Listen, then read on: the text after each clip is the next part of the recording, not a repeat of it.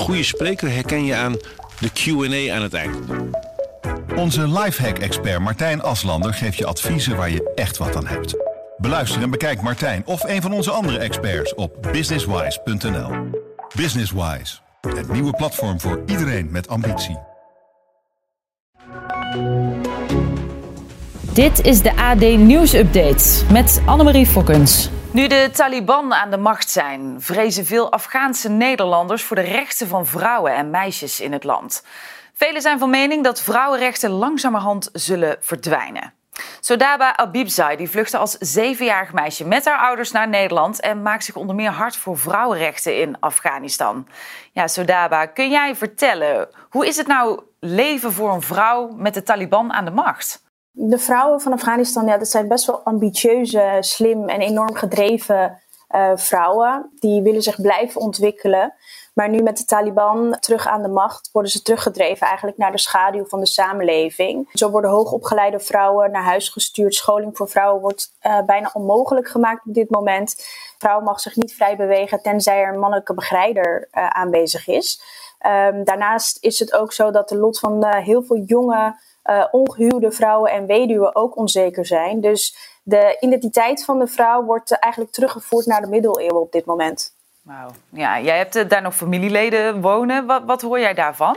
Ja, net als elke Afghaan heb ik daar natuurlijk ook familie. Um, die hebben al twintig jaar uh, een leven opgebouwd daar, hebben samengewerkt met internationale organisaties. En daarin is ook zekerheid geboden aan hun uh, en veiligheid.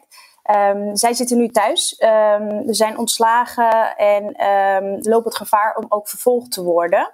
Ja, zij voelen zich heel erg verraden door de organisaties. Ik heb nichten die uh, les gaven uh, op de universiteit. Uh, hun is gezegd dat ze niet meer terug hoeven te komen. En zodoende denk ik ook alle journalisten in Afghanistan, vrouwelijke journalisten, die ste zie steeds minder op Afghaanse televisie.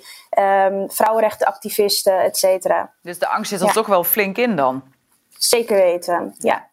Want het Amerikaanse leger is nu natuurlijk vertrokken uit Afghanistan. Wat vind je daarvan? Ik vind het heel erg laf en onverantwoord. En best wel een voorbeeld van hoe egoïstisch en eenzijdig uh, Amerikaanse politiekvoering is. Dit zijn mensen die natuurlijk gewoon de Afghanen beloftes hebben gedaan van evacuaties. En, daarna weg zijn gegaan. Duizenden Afghanen zitten nu vast met gevaar voor eigen leven. Ze hebben een overeenkomst gesloten met de terroristische organisatie die de Afghanen zelf niet wouden, maar die de regering ook niet wou. Dus zij hebben eigenlijk een hele onrustige en onveilige situatie gecreëerd voor de gewone Afghaanse burger die al meer dan twintig jaar met ze heeft samengewerkt om het land op te bouwen. Ja. Hoe denk jij nou na dan over de toekomst van jouw geboorteland? Ja, het was natuurlijk gewoon in de jaren 60, 70 een prachtig, modern en welvarend land. Dat is in de 42 jaar oorlog is dat um, getraumatiseerd een beetje uh, achtergelaten en gebroken.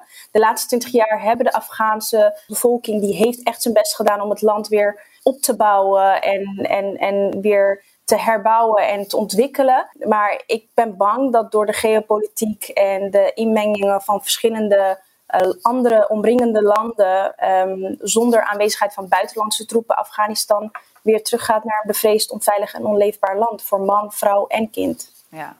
Ja, want waar ja. hoop jij nu op? Is er nog iets wat je daaraan kan bijdragen, zeg maar? Wat voornamelijk gewoon, denk ik, gewoon voor elke Afghaan een, een steun biedt, is dat Afghanen die hebben samengewerkt met internationale organisaties, dat die alsnog uh, dat er een mogelijkheid komt dat die alsnog weg kunnen.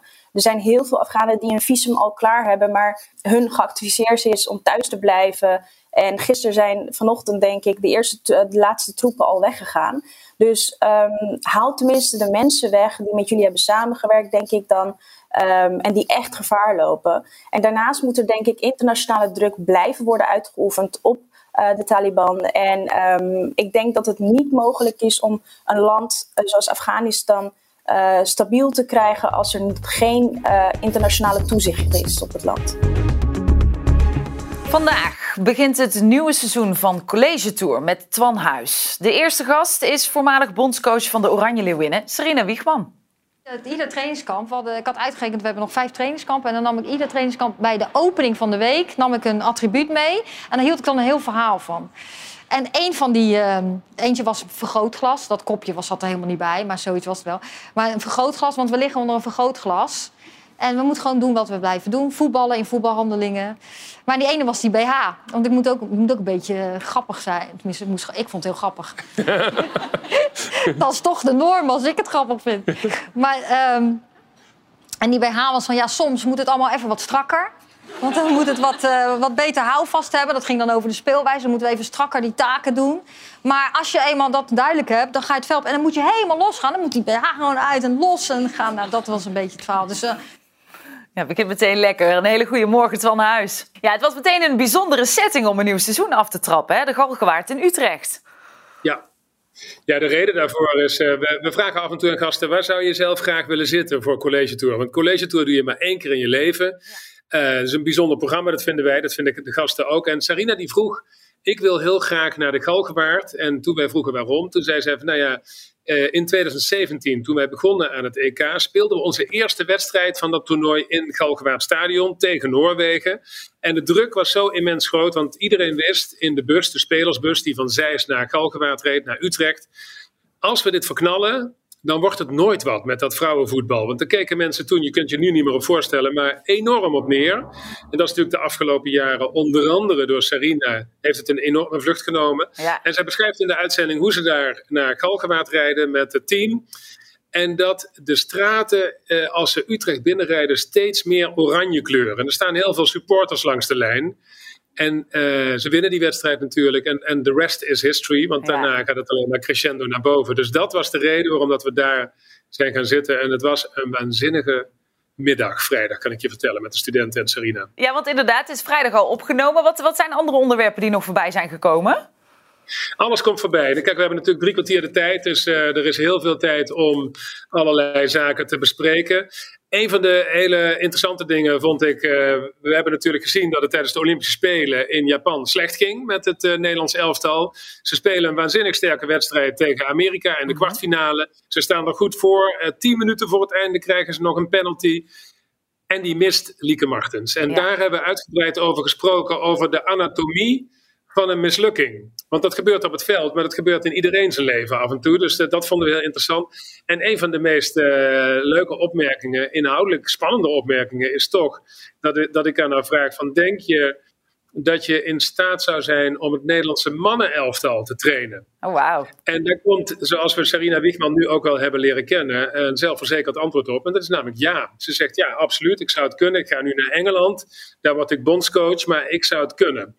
En dat wil ik er ook bij zeggen, dit interview met haar is eigenlijk haar grote afscheidsinterview van Oranje en van Nederland. Want dit is haar allerlaatste werkdag. Vandaag in jullie krant, in het Zeker. AD, staat ook uh, ja, een hele mooie uh, bericht van haar aan de fans van het Nederlands vrouwenvoetbal en het elftal.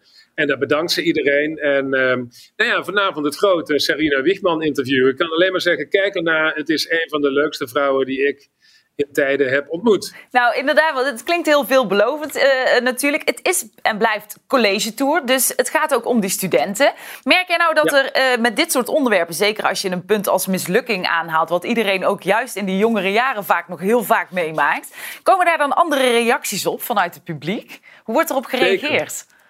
Nou ja, kijk, de, de, studenten staan natuurlijk aan het begin van hun carrière. En onze gasten hebben meestal al uh, furoren gemaakt, in alle gevallen, in hun baan. We nodigen natuurlijk de mensen uit waarvan wij denken van die hebben alle pieken en dalen meegemaakt en die kunnen de studenten wat leren. Wat je merkt is dat er uh, heel veel mensen in de zaal zitten die zijn net begonnen aan een trainerscarrière. Of al, aan een trainer als uh, speler. Aan, aan, een, aan, een, carrière als speler. En die willen van haar natuurlijk het geheim van het succes weten. Van ja. hoe doe je dit? Hoe smeet je een elftal? Ik ben ook jeugdtrainer en ik wil in jouw voetsporen treden. En aan de hand van haar successen en mislukkingen legt ze dat uit. En ik moet je zeggen, verrassend eerlijk. Uh, zij zei ook na afloop, ik ben nog nooit zo open geweest in een interview. Ik weet niet waarom, maar uh, dat is zo. En uh, die studenten hebben daar veel vragen over gesteld. Overigens voor het eerst weer in uh, de coronatijd dat we meer dan 30 mensen mochten uitnodigen op een locatie. Ook fijn. Dat is ook heel leuk. Ja. ja, dus je kunt zien vanavond de leergierigheid van de studenten, waar het programma voor is. En het feit dat ze echt veel leren van de schatten en ervaring van Sarina Wiegman. Ja. Wie kunnen we nog meer verwachten dit seizoen? Nou, we hebben zes afleveringen. We hebben drie gasten bekendgemaakt. Aanstaande vrijdag. En ik doe even een kleine oproep. Ga naar onze website. Uh, die vind je op, als je college tour ziet. Hebben we de viroloog Mark van Ranst uit België. Ja. En zijn verhaal is natuurlijk heel groot. Sommige mensen zullen het weten. In mei dit jaar werd hij bedreigd door een, uh, een militair, een kolonel. Uh, Konings geheten. En die wilde hem vermoorden. Die was volkomen tegen het virusbeleid van uh, Mark van Ranst. En die stond klaar met uh, automatische wapens en zelfs met uh, raketwerpers. En het is op een haar na goed gegaan. Mark van Ranst nemen we vrijdag op in Rotterdam. Plekken zijn er nog, meld je aan. Wordt volgende de, de dinsdag uitgezonden. En wie we ook aangekondigd hebben, en daar ben ik ontzettend trots op. Ik ben een groot fan van haar werken van de televisieserie, is Margaret Atwood. Ja. Uh, Canadese schrijfster. En zij is natuurlijk de schrijver van Handmaid's Tale. De serie uh, die als een vierde seizoen ingaat. En zij komt speciaal voor College Tour naar Nederland. En we komen met drie nieuwe namen. En die, we staan op het punt om die bekend te maken. Dat gaat ergens de komende dagen gebeuren. Ik geef je één tip. We hebben ooit in het verleden, het was een prachtige uitzending, de oud-president van Israël in de uitzending gehad, Shimon Peres. Mm -hmm. Het komt niet vaak voor dat je een president uh, in college tour ziet. Maar in onze nieuwe gastenserie zit ook een president. En uh, die kondigen we ergens de komende dagen aan. Oei, dat is een lekkere cliffhanger, uh, Twan. Ja, we krijgen er weer helemaal zin in. Dus voor de mensen thuis, wat wil je nog zeggen? Vanavond, vijf over half negen, NPO 2, College Tour met Sarina Wiegman. Kijken. Ja, dat wilde ik vertellen, maar dan heb je het mooi zelf gedaan. Sorry. Dankjewel, Twan. En uh, geniet ervan, die eerste uitzending. Dan nog even naar Afghanistan. Want ja, de laatste Amerikaanse militair die vertrekt uit de Afghaanse hoofdstad Kabul. En daarmee kwam dus een eind aan 20 jaar VS in Afghanistan. Ja, Carlijn, hebben nu alle Amerikanen Afghanistan verlaten? Nou, er is wel veel kritiek op, want alle Amerikaanse militairen zijn, uh, zijn inderdaad vertrokken. Dit was de laatste man die aan boord stapte van dat transportvliegtuig dat iedereen uh, daar weghaalde. Maar er zijn nog steeds Amerikaanse staatsburgers in Afghanistan die eigenlijk weg hadden gewild. Um, en ja, Biden heeft niet op ze gewacht. Hij heeft gezegd, we gaan die uh, die evacuatiemissie echt beëindigen op 31 augustus. Dat is afgesproken met de Taliban. We blijven eraan werken via diplomatieke kanalen om ze daar weg te krijgen. Uh, maar ja, zij, zij zijn dus, vinden de critici, uh, daar achtergelaten. Ja, want hoe kijken de Amerikanen algemeen tegen deze situatie aan? Is er begrip? De meeste Amerikanen willen weg uit Afghanistan. Um, en dat geldt nog steeds. Um, maar ze vinden uh, ook dat de manier waarop het gegaan is... Uh, ja, toch sowieso schadelijk is voor het Amerikaanse imago in de wereld. En ja, dat mensen in de steek gelaten zijn. Um, maar het blijft overeind dat de meeste Amerikanen ja, die oorlog in Afghanistan echt wilden beëindigen. Twintig jaar geleden was bijna iedereen er hiervoor om... Afghanistan binnen te vallen uh, om uh, Osama bin Laden en zijn, um, uh, het regime dat hem de hand boven de hoofd hield, de Taliban, aan te pakken na de aanslagen op 9-11. Inmiddels vindt de meerderheid dat het allemaal niet de moeite waard is geweest en dat het echt tijd is om te gaan. Ja. Dus nu, twintig jaar later, hoe historisch is dit moment dan? Ja, zeker, zeker historisch. Het einde van een, van een tijdperk voor Amerika. Dit was Amerika's langste oorlog. We zagen het deze week nog jonge mensen in de twintig um, het leven lieten. Uh, ver weg van, van familie, ver weg van, van hun eigen land. Um, voor Amerika is dat voorlopig voorbij. Al hebben we gezien dat er een, een, zelfmoordaanslag werd gepleegd door een tak van IS. En gaan we hier dan alweer stemmen op van ja, zie je, we moeten toch militair daar actie blijven ondernemen um, om IS aan te pakken. Dus ik zou willen benadrukken dat het voor Afghanistan niet voorbij is. Um, en uh, dat bijvoorbeeld ook in de vergelding op die zelfmoordaanslag nog uh, vermoedelijk bu burgers gedood zijn bij een droneaanval. Mm -hmm. um, en die droneaanvallen, ja, die zou Amerika wel eens kunnen blijven uitvoeren. Dus ja.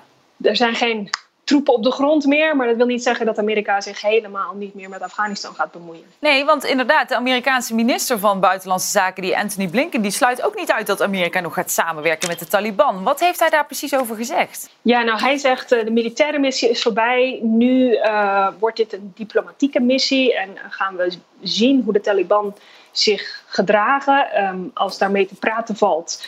Um, als ze doen wat ze zeggen, dan uh, uh, zouden we met ze, ja, contact met ze kunnen hebben als dat in ons belang is. Um, de Taliban willen heel graag internationaal erkend worden als, uh, als de overheid in Afghanistan. En hij, um, Blinken, de minister van Buitenlandse Zaken hier, zei: Nou, dat moeten ze dan laten zien, dat moeten ze verdienen. Ehm, dus ja, daar, wordt, daar gaat, het lijkt erop dat er, wel over, dat er over en weer wel gecommuniceerd gaat worden. Um, tegelijk is de Amerikaanse ambassade in Kabul nu gesloten. Um, dus dan is ja, diplomatie ook lastig uit te voeren als je geen ja. diplomaten in het land hebt. Helder. Dankjewel. Carlijn van Houwelingen vanuit New York.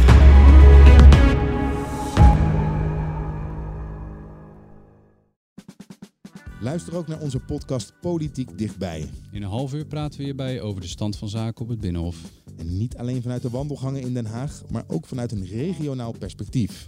We zijn te vinden in onze app, op Apple Podcast en op Spotify. En wie zijn wij dan? Wij zijn Leonard Beekman en Tobias den Hartog.